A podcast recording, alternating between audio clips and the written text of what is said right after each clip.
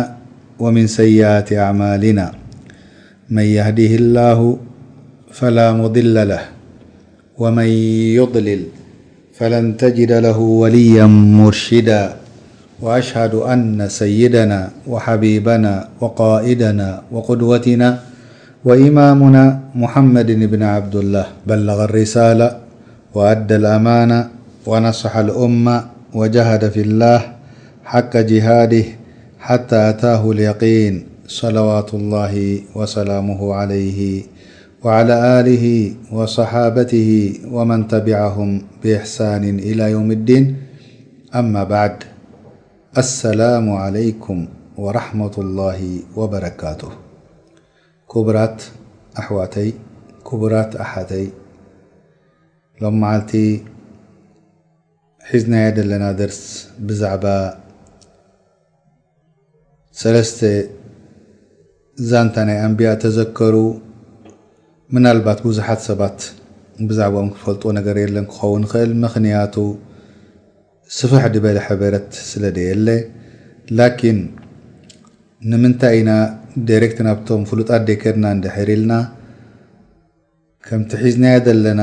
ክታብ መሰረት ጌርና ንብገሰሉ ዘለና ቐሶስ ኣልኣንብያ ልብን ከሲር ራሒመሁ ላሁ ተዓላ ስለ ድኾነ ከምቲ ናቱ ተርቲብ ድማ ካብኡ ክወጽእ ስለ ደይደለኹ ሎም መዓልቲ ቅሳ ዙልኪፍል ወይ ከኣ ዛንታ ናይ ዙልኪፍል ከምኡ ውን ቅሳ ኣስሓብ ራስ ከምኡ ድማ መጨረሻ ኣስሓቡ ያሲን ሒዝና ቀሪብና ኣለና ማለት እዩ። ከምቲ ድሕሪ ቅሰት ኣዩብ ዓለይሂ ሰላም ምስኣ ስለ ዝዝክራ ረቢ ነዛ ቅሳ እዚኣ ናይ ዙልኪፍል ኣብ ክልተ ቦታ ዘኪርዎ ኣሎ ረቢ ኣብ ቁርኣንና ማለት እዩ።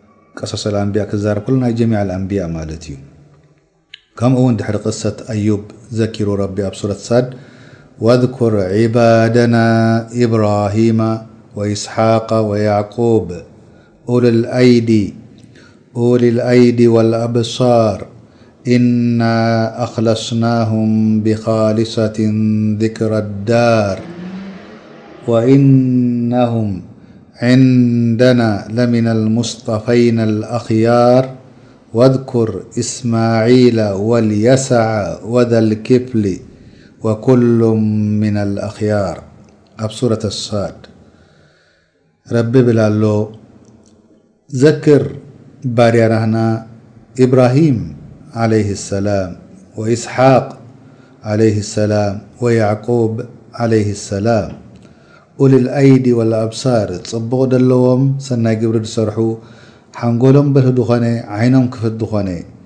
እና ኣኽለስናሁም ቢኻሊሰቲን ዚክረ ዳር ንሕና ድማ ብዛዕብኦም መሪጽናዮም ኢና ካብ መጠን ንላዕሊ ኣብ ኣኼራ ድማ ጽቡቕ ክረኽቡ እዮም ወኢነሁም ዒንደና ለሚነ ልሙስጠፈይነ ልኣኽያር እሶም ከኣ ካብቶም ረቢ ድመረጾም ካብቶም ብሉጻት ድኾኑ እዮም ወድኩር እስማዒል ወዲ ኢብራሂም ዓለይሂ ሰላም ወልየሳዕ ከምኡውን የሳዕ ዘክር ወዘል ኪፍል ሁነ ኣሻህድ ረቢ ብዚኣ ዘኪርዎ ኣሎ ወኩሉን ሚነል ኣኽያር እዚኦም ከኣ ካብቶም ብሉጻት እዮም ኢሉ ረቢ ሕጂ ኣላሁ ተዓላ ምስቶም ኣንብያ ከምዚ ገይሩ ካብ ዘከረ እዚ ሓደ ካብቶም ኣንብያ ኢሎም ዑለማእ ተዛሪቦም ምኽንያቱ ምስኦም ገይሩ ካብ ዘከሮ ረቢ ነቢ ከም ምዃኑ ምልክት ድሂቢ ኢሎም እዚ ጥራሕ ስለ ድኾነ መጺና ዘሎ ካብ ቁርኣን ካብዚ ንላዕሊ ንሕና ድማ ኣስፊሕና ክንገልጽ ጸገም ይኾነና ማለት እዩ። ኣለዉ ሰባት መን ከም ምዃኑ ብዙሕ የማን ጸጋም ተዛሪቦም ላኪን ጭብጢ ደይብሉ ነገር ስለድኾነ ሓንቲ ነገር ክንዛረብ ኣይንኽእልን ኢና ማለት እዩ። ላቡድ ዝኾነ ነገር ክንዛረብ እንድሕር ኮይንና መስረጂን ወጭብጥን ክህልወና ኣለዎ ያ ካብ ቁርኣን ወይ ድማ ካብ ሱነተ ረሱል ሰለላሁ ዓለይሂ ወሰለም ማለት እዩ በዚ ምኽንያት እዚ ንሕና ታይ ንብል ሕጂ ብዛዕባ ዘልክፍል ኣብዚኤን ክልተ ቦታ እዚኤን ኣብ ኣያት ተዘከራ ብሽሙ ጥራሕ ተዘኪሩ እንታይ ርኺብዎ እንታይ ኣቢልዎ ንፈልጦ ነገር የለን ግን ከም ዝበልኩኹም ኣስሓበ ተፋሲር ብዙሕ ዘኪሮም ካበይ እዩ መጺኡ ስለ ደይንፈልጦ ሓንቲ ነገር ክንብል ኣይንኽእልን ኢና እብን ከቲር ወይ ከኣ ተፍሲር ኣጠበሪ ኢሎም ኣላሁ ተዓላ ዚልክፍል ካብ በሎ ሊኣነሁ ተከፈለ ብኣምሪ ፈወፋ ብሂ ኣላሁ ተዓላ ዙልኪፍል ዝበሎ በቲ ዝግበኦ ነገር በቲ ተኣዘዞ ስለ ዝሰረሐ በዚ ምኽንያትዚ እዩ ዙልኪፍሊ ተባሂሉ። ስለዚ ንሕና እንታይ ኢና ክንብል ንኽእል ማለት እዩ ዙልኪፍል ተዘኪሩ ከም ምዃኑ ኣብቲ ድሕሪ ቅሰት ናይ ኣዩብ ዝበዝሕ ግዜ ረቢ ስለ ዝኣሰሮ ምስኡ ብኡ ጥራሕ ጠጠው ክንብል ካብዚ ንላዕሊ ብዛዕብኡ ክንውስኽ ኣይንኽእልን ኢና ማለት እዩ። ድሕሪኡ ናብታ ድሕሪኣ ዘላ ነጥቢ ክንሰግር ማለት እዩ። ዚክር ኡመም ኡህሊኩ ቢዓማ እሶም ከኣ እቶም ረቢ ብዙሓት ህዝቢ ለውደጥፍኦም ብሓደ መቕጻዕቲ ገይሩ ድቐጽዖም ማለት እዩ። ንሕና ሕጂ ብዛዕብኦም እንድሕር ክንዛረብ ኮይንና እንታይ ኢና ክንብል ንኽእል? እዚ ክንርኢ ኣለና ማለት እዩ። ኣላሁ ተዓላ ዘኪሩ ኣብ ቁርኣን ከምቲ ድበሎ ወለቀድ ኣተይና ሙሳ ኣልኪታበ ሚን ባዕዲ ማ ኣህለክና ኣልቁሩነ ኣልኡላ፣ ኣልኣያ። ድሕሪ ተውራ ቅድሚ ምምፅኡ ብዙሓት እኮ ኣላሁ ተዓላ ብዓዛብ ኣጥፊዎም ኢሉ ድሕሪ ተውራ ድመፀሉ እዋን ግን ካብኡ ንንዮ ድመፅእ ድሕሪ ሙሳ ዓለይሂ ሰላም ወሃሩን ድሕሪኡ ሓደ ሰብ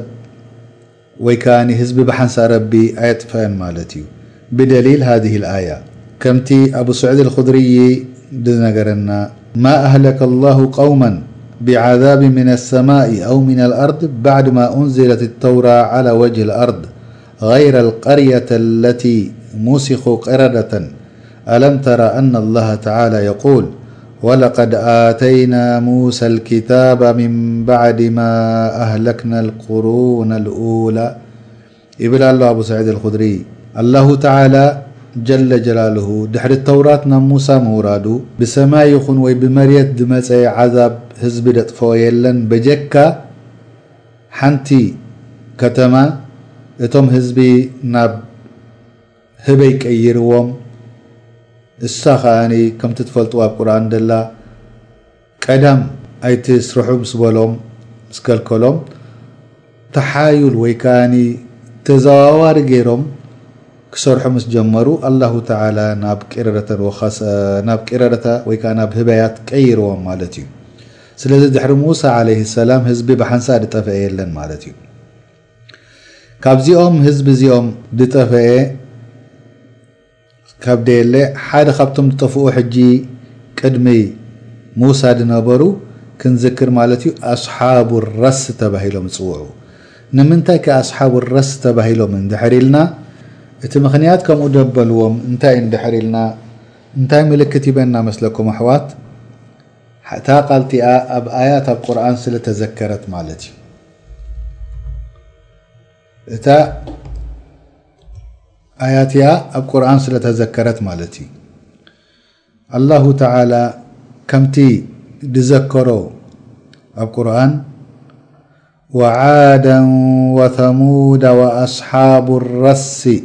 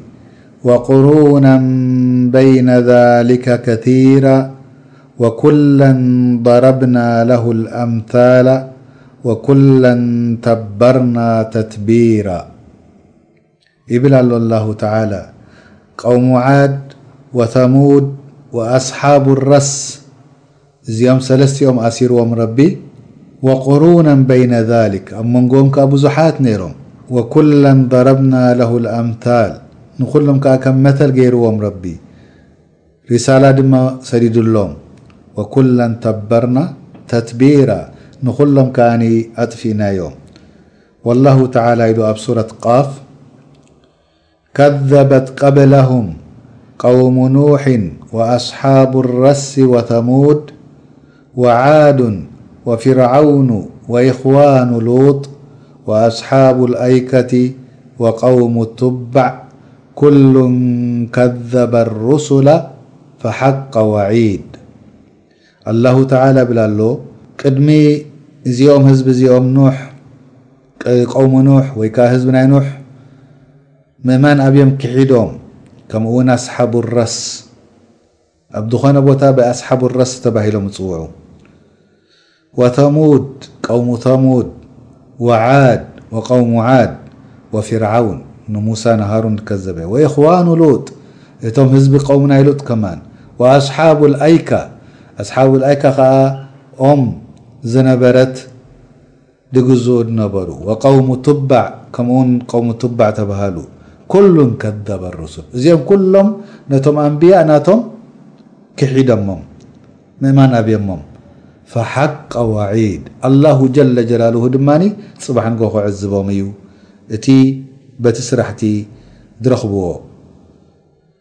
ስለዚ እዚኦም ኩሎም እዚኦም ኣስሓቡራስ ካብዚ ኣያት እዚ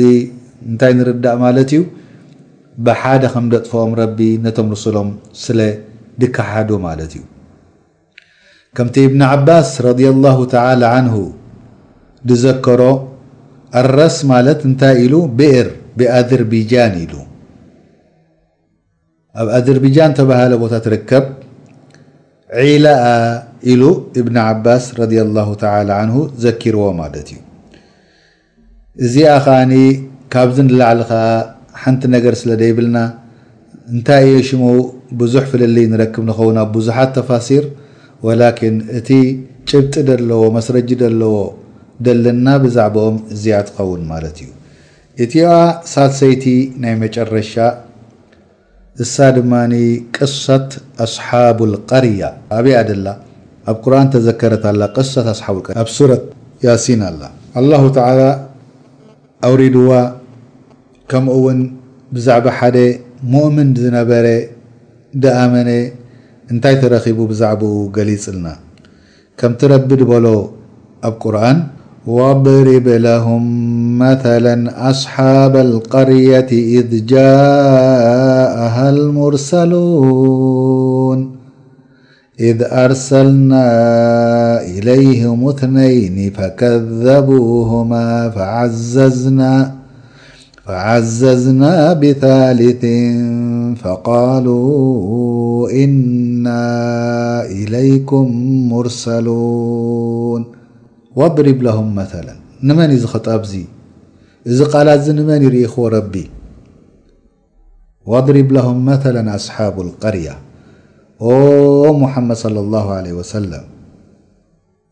ንውሒድ ዝዛረቦ ዘሎ ረቢ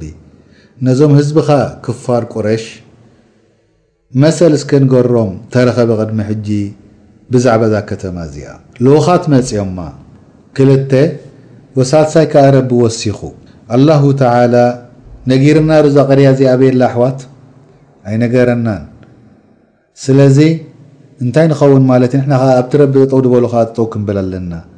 ብዙሓት ህዝቢ ኣለው ተዛረቡ ብዛዕባ እታ ቀርያ ዋላ ኣስሓብ ናታ ወይ እቶም ነበርታ ዝነበሩ። ስለዚ እንታይ ንገብር ማለት እዩ ኣሕዋት ንሕና ካብቲ ቃላት ጠጠው ድበሎ ረቢ ጠጠው ክንብል ኣለና ማለት እዩ። ከምኡ ውን ረቢ ኣድላይ ነይሩ ዶ ድኸውን ንዓና ምነገረና ነይሩ ሽማ ቦታኣ ክንደይ ህዝባ ነይሮም ላኪን እዚ ኣድላይ ስለ ደይኮነ እሱ ኣይኮነን እንታይ እዩ እቲ ዕብራ ወይ ከኣ እቲ ትምህርቲ ክንወስዶ ዘለና መትል ገይርዋ ዘሎ ረቢ ንሕና ነዚ ምሳሌ እዚ ሪኢና ካብቲ ምዝንጋዕ ክንድሕን ከምኡ ከኣ ብዙሓት ኢሎም ህያ ቐርየት ኣንጣክያ ላኪን ጭብጢ ደይብሉ ዘረባ እዩ ከምኡ እውን እዚ ነገር እዚ መን ዘኪርዎ ተይልና ኣልኢማም ኣልቁርጡቢ ኣብ ተፍሲር ናቱ ዘኪርዎ ላኪን እብኒ ከሲር ራሒሙሁ ላሁ ተዓላ ራጅሕ ድኾነ ርእይቶ ሂብና ምኽንያቱ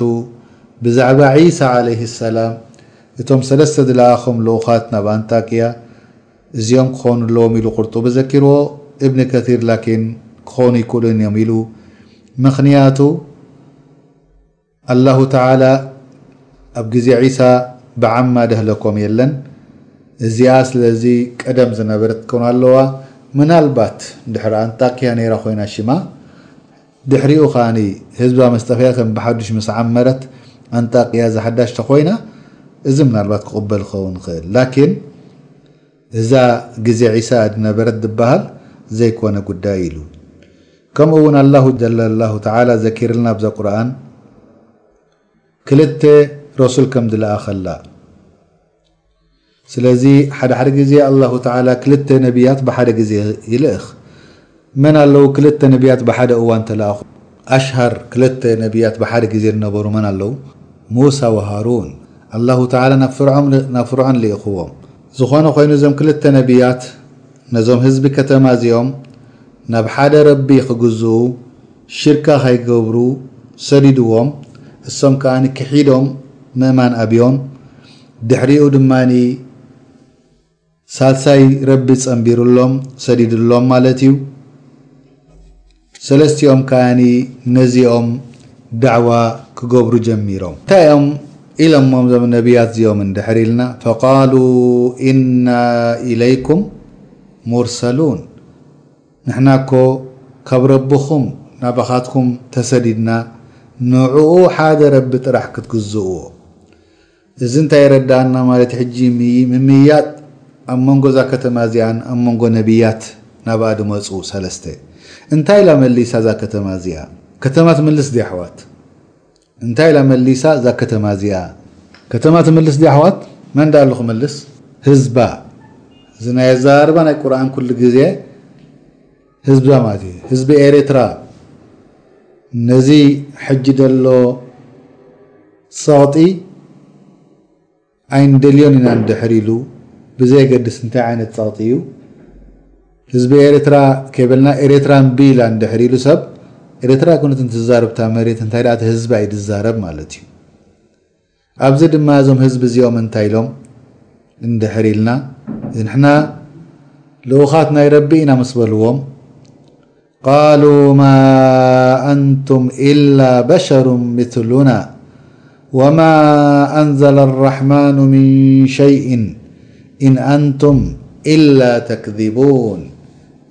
መልሲ ናይዚኦም እንታይ ነይሩ ማለት እዩ? ከመይ ጌርኩም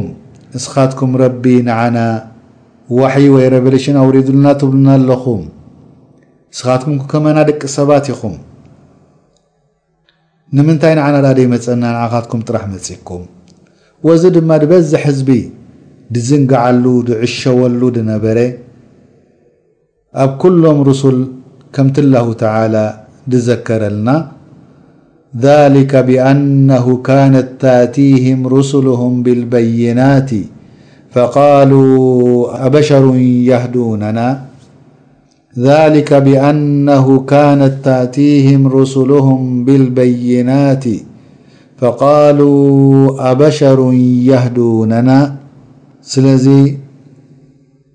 ኣብ ሱረት ኣተጋቡን እዚኣ ክዝክራ ከሎ ረቢ እዚኦም ኣስሓብ ኣልቀርያ ድማ ከምኣ መሊሶም ልክዕ ማ ኣንቱም ኢላ በሸሩ ምሉና ንስኻትኩም ከማና ደቂ ህዝብተ ሰባት ኢኹም ጥራሕ እሱ ድዩ ቀዳማይ ነገር ልኡኽ ነቢ ወዲ ሰብ ክኸውን ይክሕዱ ኣለዉ ማለት እዩ ድሕሪኡ ከኣ ካልኣይ ምኽንያት እንታይ ኣምጺኦም ወማ ኣንዘለ ኣራሕማኑ ሚን ሸይ ረቢ ድማ ሓንቲ ነገር ኣየውረደን ሓንቲ ልኡኽ ኣየውረደን ይብሉ ኣለዉ ማለት እዩ ኢን ኣንቱም ኢላ ተክዚቡን ሳልሳይ ድማ እስኻትኩም ሓሰውቲ ኢኹም ኢሎሞም። እቲ ምኽንያት ኩሉ ተጠቕሊሉ ናበይ ድመጽእ ደቂ ሰብ ስለ ድኾኑ በዚ ምኽንያት እዚ እዚኦም ረቢ ከም ድኩሕዱ ደለዉ ነግረና ኣሎ ወማ ኣንዘለ ኣራሕማኑ ምን ሸይ። ሓንቲ ነገር ከኣ ረቢ ኣየውረደን። እንታይ ኢሎም መሊሶምሎም እቶም ነብያት? ኣብዚ ምምይያጥ እዚ ዝርከብ ዘሎ ኣብ መንጎ ሰለስተ ነብያትን ኣብ መንጎ እዛ ህዝቢ ከተማ እዚኣን ማለት እዩ። ቃሉ ረቡና የዕለሙ ኢና ኢለይኩም ለሙርሰሉን ወማ ዓለይና ኢላ ልበላጉ ልሙቢን። እታ ሓንቲ መልሲ ደሃብዎም እዞም ነብያት እዚኦም፣ ረቢ እኮ ንሕና ናቱ ልኡኻት ከም ምዃንና ይፈልጥ እዩ ናባኻትኩም ከም ድመጻና፣ እንተደኣ ሓሰውቲ ነይርና ኮይንና ንዓና ብሓንቲ ነገር መጥፈኣና ነይሩ። ላኪን ካብ ገደፈና ልኡኽ ናቱ ከነብጽሕ ንዓና ከዐውተና ኢዩ እስኻትኩም ከኣ ክትፈልጡ ኢኹም መን ኢዩ ጽባሕ ንግሆ ኻሳራ ወይ ከኣ ኽስራን ድመጾ እዚኣ ቀዳመይቲ መልሲ ክትከውን ከላ ኣስዒቦም ምስኣ መልሲ እንታይ ኢሎም ወማ ዓለይና ኢላ ልበላቁ ልሙቢን ንሕና እኮ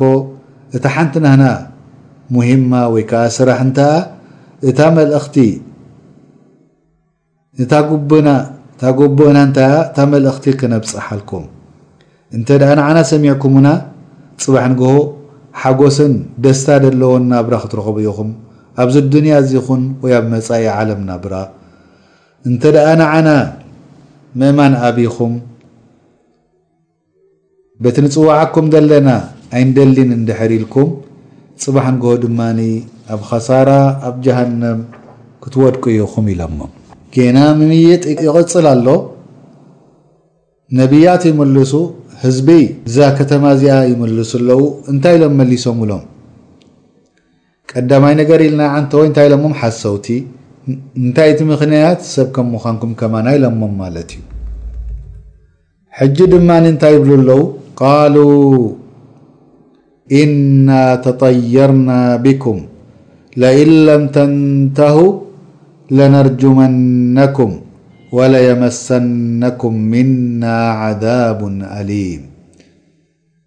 ንስኻትኩም ካብ ትመጹና ኩሉ ሽግር መጺና ተጠየረ ማለት ብኣኻ ምምጻእ ድኣክል በዚ ትገብርዎ ዘለኹም ድኣክል ስራሓት ኩሉ ሕማቕ መጺና እንተ ድኣኒ ካብዚ ነገርዚ ደው ደኢልኩም ንሕና ብእምኒ ጌርና ክንውቕዓኩም ኢና ክሳዕ ሞት ስለዚ ካብዚ ነገርዚ ጠጠው በሉ ወዚ ድማ ድበዝሕ ግዜ እቶም ጃሂሊን ድኾኑ እንታይ እዮም ድብሉ ድኾነ ይኹን ምኽንያት ብኣኻ ምኽንያት እዩ መጺእኒ ናብሉኻ በቲ ጸገም ድገብርዎ ዘለዉ ሽርኪ ማዕስያ ናይ ረቢ ገዲፎም ብኣኻትኩም እዩ መጺእና ኢሎም እቲ በረካ ድህብ ረቢ እዩ እቲ በረካ ድኸልእ ሓደ ረቢ ፈጣሪ እዩ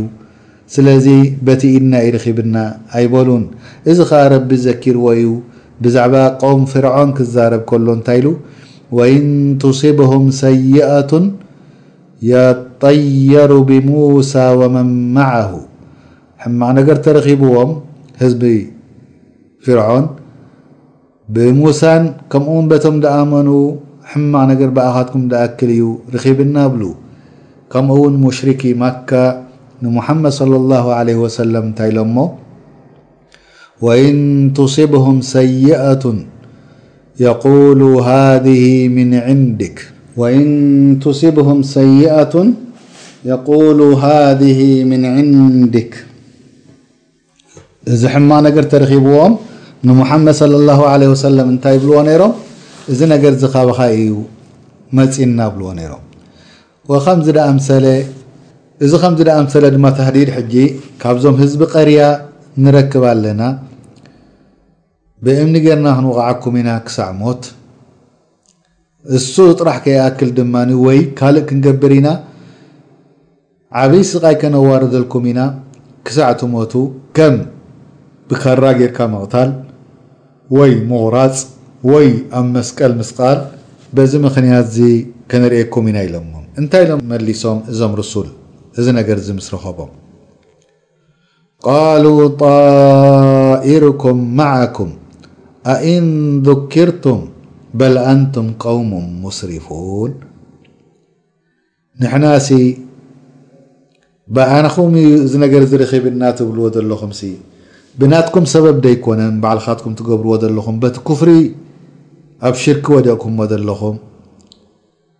በቲ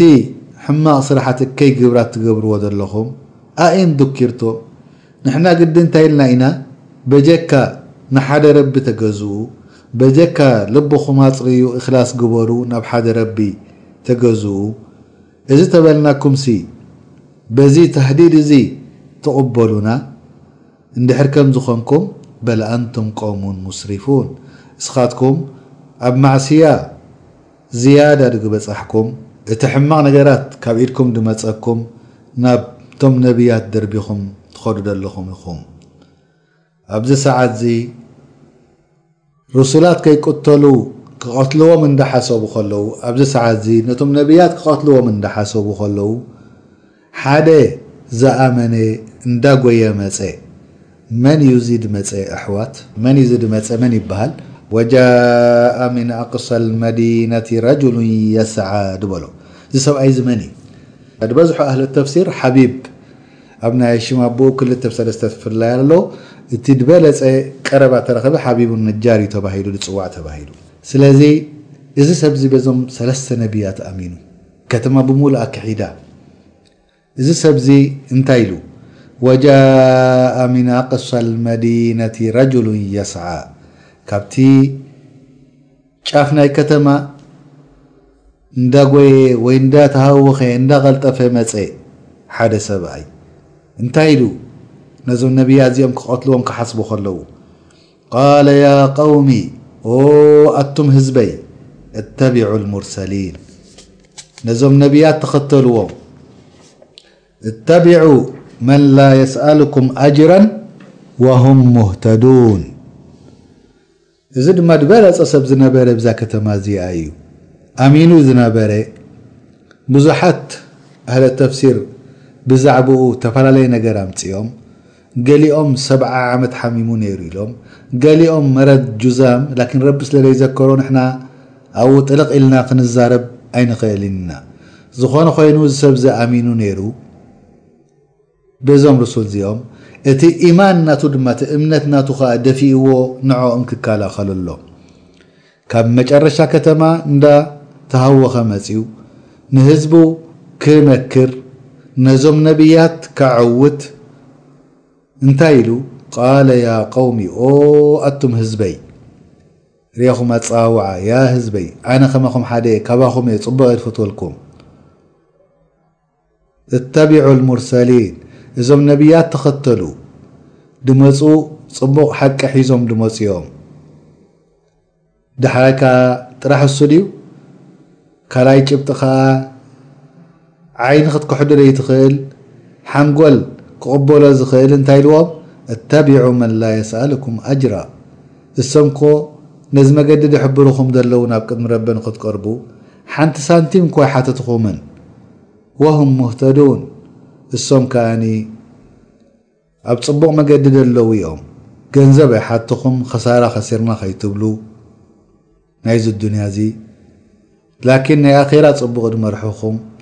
ብዛዕባ ዱንያ ጽቡቕ ትርኽቡ ብዛዕባ ኣኺራ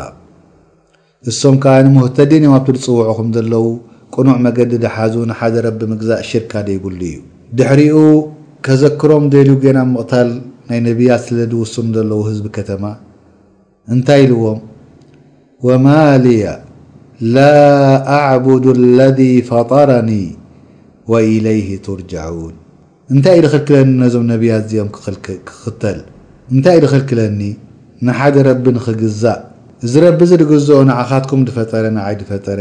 ጽባሕ ንጎኮ ናብኡ እየ ክምለስ። እዚ ምኽንያት እዚ እዩ ከኣ ንዓኻትኩም መጽየ ድመኽረኩም ዘለኹ። ናብቲ ፈጣሪና ሓቢርና ክንምለስ ኢና። ድሕሪኡ መሊሱ እንታይ ኢልዎም? ኢኒ ኣመንቱ ቢረቢኩም።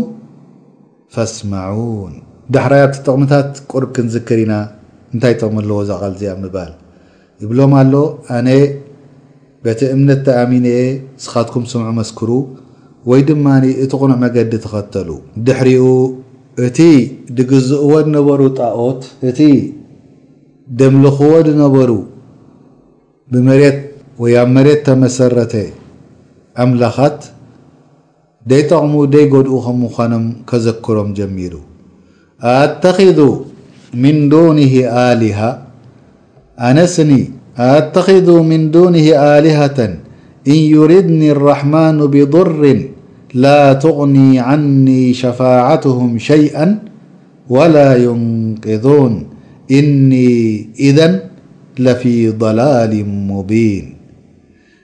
እዞም ኣሊሃ እዚኦም ትግዝእዎም ዘለኹም ኣብዚ መሬትዚ ደለዉ ሓደ ነገር እኮ ድውንንዎ ነገር የለን በጀካት ረቢ ደሃቦም ወይ ረቢ ደፍቀደሎም እንድሕር ኣላሁ ተዓላ ሕማቕ ክረኽበኒ ደልዩ መን እዩ ነዚ ነገር እዚ ክከላኸለለይ ዝኽእል በጀካ ረቢ ሓደ። ስለዚ ጠቕሚ ይኹን ጉድኣት እኮ እዞም ትግዝእዎም ዘለኹም ኣእማን ይኹኑ ዕንጨታት ሓንቲ ኣይገብሩን እዮም። እንተ ናብኡ መዝ ቢለ ንሓደ ረቢ ገዲፈ ኣነ ኣብ ሕማቕ መገዲ ጠፊኤ ኣለኹ ማለት እዩ። ኢኒ ኣመንቱ ቢረቢኩም ፈስመዑን ኣነ ከኣ ስምዑኒ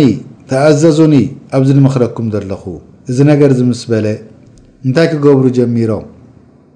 እዞም ህዝቡ ክቀትልዎ ጀሚሮም ቀቲሎሞ ሓደ ሙእሚን ዝነበረ ከምቲ ቃታላላ ዝበሎ በእማን እንዳደርበዩ ቀቲሎሞ ወይ ድማ ኣብ ርእሲኡ ኩሎም ተሰቂሎም ክሳብ መዓንጥኡ በቲ መቐመጭኡ ዝወጽእ ገሊኦም ኢሎም ብኻልእ መገድታት ቀቲሎሞ ላኪን ረቢ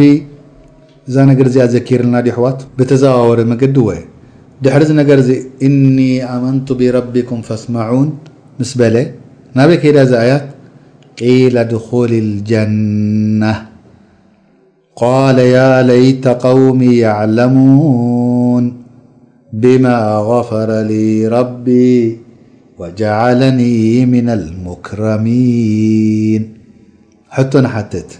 ቂል ኣድኹሊ ልጀና ሓደ ሰብ ከይሞተ ጀና ክኣቱ ይኽእል ድዩ ኣሕዋት ሓደ ሰብ ከይሞተ ጀና ክኣቱ ይክእል ድዩ እዚ ሰብዚ ከኣ ከይሞተ ኣይኮነን ጀና ኣትዩ እንታይ ድኣ ቀቲሎሞ ረቢ ላኪን ከምዚ ገይሮም ቀቲሎሞ እዚ ገይሮሞ ኣይበለን እንታይ ድኣ ዳይረክት ቂል ኣድኹሊ ልጀና ኢልዎ ግን ዘገርም ነገር ናይዚ ሰብኣይዚ ምስ ተቀተለ ጀና እቶ ኢልዎ ረቢ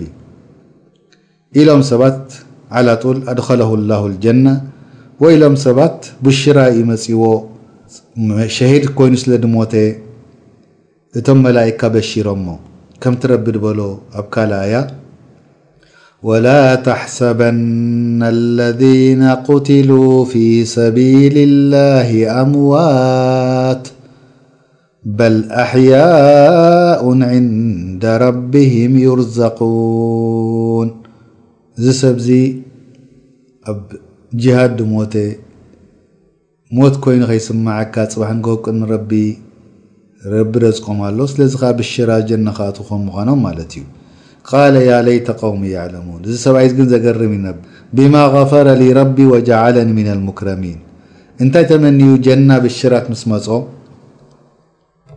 ህዝቡ እዚ ንዕማ እዚ ሪኦሞ ነይሮም ደድኾኑ እኮ ምኣመኑ ነይሮም እዚ ረኺበዮ ደለኹ ምረኸቡ ነይሮም እቲ ጀና ድኣትዎ ደለኹ ናይ ብሽራ ክኣትዋ ከምኡ ምተበሸሩ ነይሮም። كمت ابن عباس دبل رضي الله تعالى عنه نصح قومه في حياته بقوله قال يا قوم اتبع المرسلين أبهوت خلبز الدنيا نهذبو مخيروم نزم نبيا تخطليلوم ونصح قومه بعد مماته بقوله ቃለ ያ ለይተ ቀውሚ የዕለሙነ ብማ ገፈረ ሊ ረቢ ወጀዓለኒ ምነል ሙክረሚን ድሕሪ ሙማቱ ድማ ንህዝቡ መኺሩ ያሪት እዚ ረኺበዮ ደለኹ ይፈልጡ ነይሮም ምእንቲ ክኣምኑ መዓኑ ቀቲሎሞ ዮም ሕማቕ በዲሎሞ ዮም ላኪን ከመይ ጌሩ ጽቡቅ እምነየሎም ኣሎ ኩፋር ከለዉ ቀቲሎሞ ከለዉ እስቲል ጌና ጽቡቅ እምነየሎም ኣሎ ወሃዳ ሲፈት ልሙእሚን ፈረሒመሁ ኣላሁ ወረድየ ዓንሁ ረቢ ይርሓመሉ ረቢ ይርደየሉ ነቶም ህዝቡ ጽቡቅ ንክረኽቡ ብጣዕሚ እዩ ድምነ ኔሩ ወዚ ድማ ከራማ ነዚ ሰብኣይዚ ኣላሁ ተዓላ ንህዝቡ እንታይ ከምተመነየ ብድሕሪ ሞቱ ረቢ ገሊጽልና ወኢላ ክንፈልጥ ኣይምኸኣልናን ኔርና ምኽንያቱ ሕርቅነቱ ሓቢኡ ሕልሚ ናቱ ነቶም ጃህል ድፈጸሙ ነቶም ሕማቅ ድፈጸሙ በቕይ ድገበሩ ንዕኦም ጽቡቅ ተመንይሎም ነቶም ቀተልቲ ናቱ ጽቡቅ ተመንይሎም ጌና ኩፋር ከለዉ ዓበደተል ኣስናም ከለዉ ላኪን ኣላሁ ተዓላ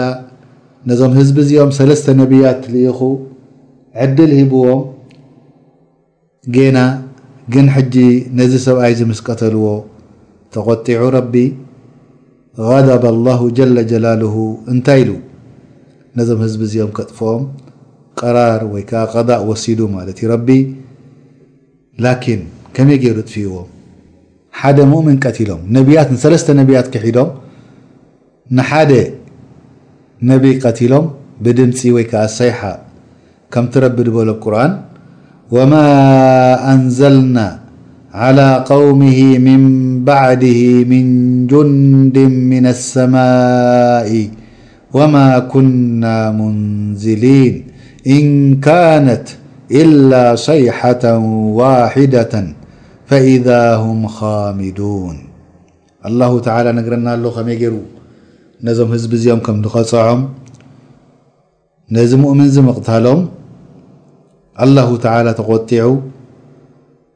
ነቶም ሩሱል ክሒዶም ንሓደ ሙእምን ተረኸበ ወልይ ምን ኣውልያኢላህ ተዓላ ቀቲሎም ኣላሁ ተዓላ ከኣ ከመይ ገይሩ ከም ዘጥፍኦም ይነግረና ኣሎ ነዚኦም ህዝቢ እዚኦም እኮ ወታደር ሙራድ ኣየድልየንን እዩ ኣነ ኣይግብኦምን እዩ ኣየስታህሉን እዮም ካብኡ ንላዕሊ ድኹማት እዮም ወታደር ከውርደሎም ኣነ ካብ መላይካ ከውርደሎም ካብኡ ደድልየኒ እውን ኣይኮነን እዚ ነገር እዚ ንዓይ ቀሊል ነገር እዩ ኣየድልይን እዩ ከነውርድ ከምቶም ቅድሚ ሕጂ መላይካ ደውረድናዮም ንህዝቢ ከጥፍኡ ብሰማይ ድወይ ብመሬት ከም ቆሙ ሉጥ ከም ቆሙ ኑሕ ላኪን ከመይ ገርና ድኣ ኣጥፊእናዮም ከምቲ ረቢ ድበሎ ህዝቢ በብዓይነቱ ገሩ የጥፍእ ኣብ ቁርን ከምቲ ድዘከሮ በብዓይነቱ ገሩ ነዞም ህዝቢ የጥፍኦም እንታይ ኢሉ ረቢ ኣብ ኣያ ፈሚንሁም መን ኣርሰልና ዓለይህ ሓሲበን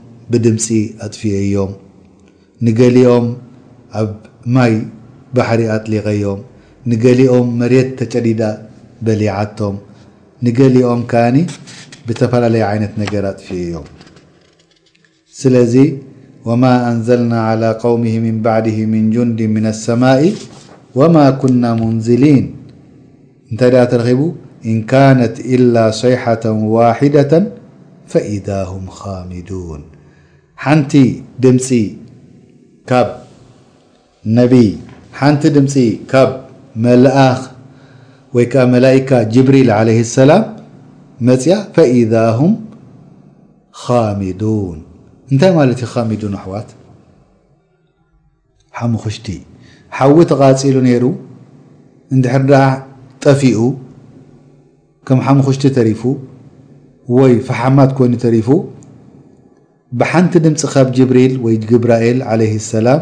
ኩሎም እንታይ ኮይኖም ፈኢዛ ሁም ኻሚዱን ኩሎም በዛ ቃል እዚኣ ጠፊኦም። ኣላሁ ተዓላ ይነግረና ኣሎ ብዛዕባ እዚ ነገር እዚ ሰብ ኣይኮነን ዝነግረና ዘሎ ፈኢዛ ሁም ኻሚዱን ጠይብ ድሕሪኡ ከ እንታይ ተረኺቡ? በዛ ድምጺ እዚኣ።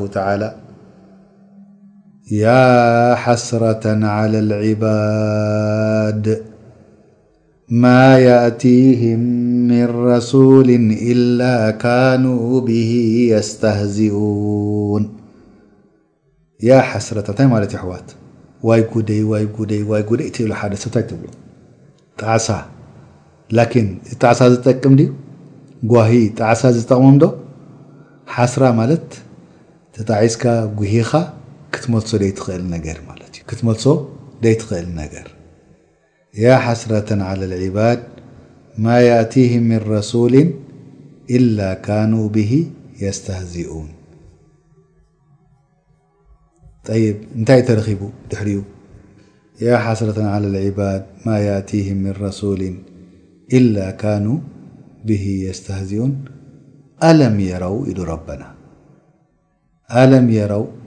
ኣይሪኡን ድዮም ዞም ህዝቢ ኣይሰምዑን ድዮም ከም ኣህለክና ቀብለሁም ሚነል ቁሩን ከምኦም ዳኣምሰሉ ክንደይ ኣጥፊእና ክንደይ ህዝቢ ጀነረሽን ቅድሚኦም ጠፊኡ ኣይሪኡን ድዮም ዞም ኩፋር ቁረሽ እዞም ኣብዚ እዋን እዚ ዘለዉ ኩፋር ከይሪኡን ድዮም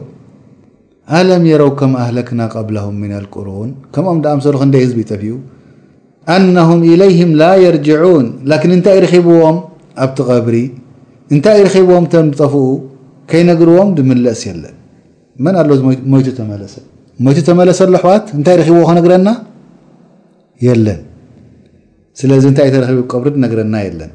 ወኢን ኩሉን ለማ ጀሚዑን ለደይና ሙሕደሩን ከምኡ ድማ እዚ ኩሉ ከይዱ ዘሎ ወዝኹም ትም ትስዕቡ ኩላህና ጽባህ ንጎብ ቅድሚ ረቢ ክንእከብ ኢና ኣብ ቅድሚ ፈጣሪ ክንእከብ ኢና ክንሕተት ኢና። ወይ መቅጻዕቲ ክንወስድ ኢና ወይ ድማ ጀና ረቢ ከእትወና እዩ ስለዚ ካብዚ ተበጊስና እንታይ ንብል ንሕና ተመለሰት የላን ቆሙ ኑሕ እንታይ ረኪብዎም ኣይገለጹልናን ቆሙ ሉጥ እንታይ ረኪብዎም ኣይገለጹልናን ረቢ ምስ ገለጸልና እሱ ባዕሉ ብኡ ኢና ክንፈልጥ ክኢልና ኣቁሉ ቀውሊ ሃዛ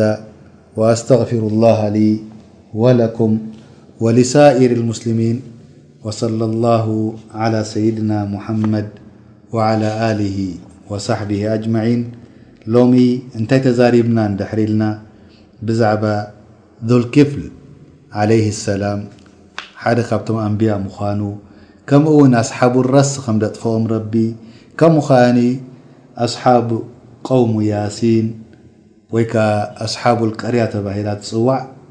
ተዛሪብና ድመጽእ ደሎ ብዛዕባ ዮንስ ዓለይሂ ሰላም ብዛዕብኡ ንኽንዛረብ ጥዕናን ዕድመን ይሃበና ወጀዛኩም